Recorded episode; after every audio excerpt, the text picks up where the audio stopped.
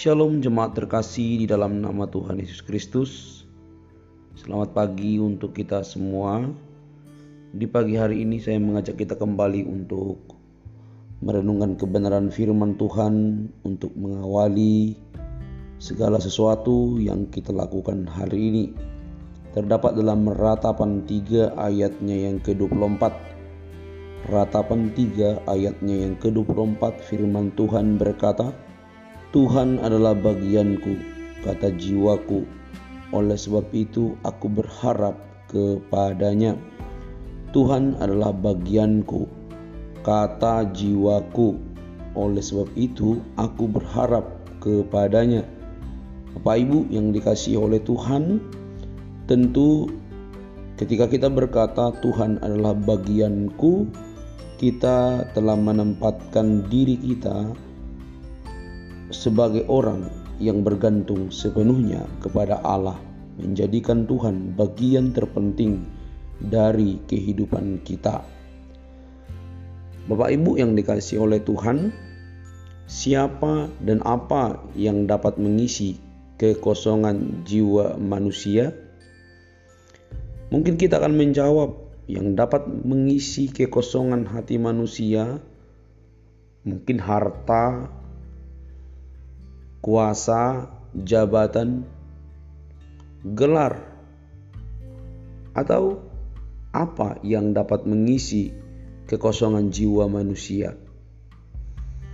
Tentu, kalau kita berkata harta, kuasa, jabatan, gelar, dan lain sebagainya, itu tidak memberikan jawaban yang dapat mengisi kekosongan jiwa manusia tersebut.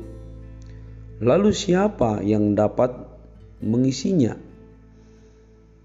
Jawabannya hanya Tuhan yang dapat mengisi kekosongan jiwa manusia. Kalau kita melihat tadi dari ratapan 3 ayat 24, Tuhan adalah bagianku, kata jiwaku, oleh sebab itu aku berharap kepadanya.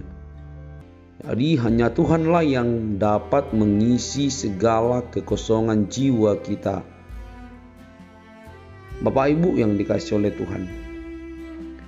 Pilihan untuk bersahabat dengan dunia dan dengan demikian menjadikan diri sendiri sebagai musuh Allah merupakan tindakan yang tidak logis atau tidak masuk akal dan tanpa perasaan. Dalam Roma 8 ayat 32, ia yang tidak menyayangkan anaknya sendiri tetapi yang menyerahkannya bagi kita semua, bagaimanakah mungkin ia tidak mengaruniakan segala sesuatu kepada kita bersama-sama dengan dia? Allah memberikan anugerah demi anugerah kepada kita Bagaimana mungkin kita justru memilih hal-hal duniawi yang akan mencelakakan dan mengecewakan kita? Allah begitu menginginkan kita. Bagaimana mungkin kita justru tidak menginginkan Dia? Sering sekali kehidupan kita didapati berbanding terbalik dengan kebenaran. Ketika Allah menginginkan kita tetapi kita justru mengecewakan Dia. Pemberian Allah yang terbesar, yaitu dirinya sendiri, sudah diberikan. Ini adalah anugerah terbesar yang pernah ada.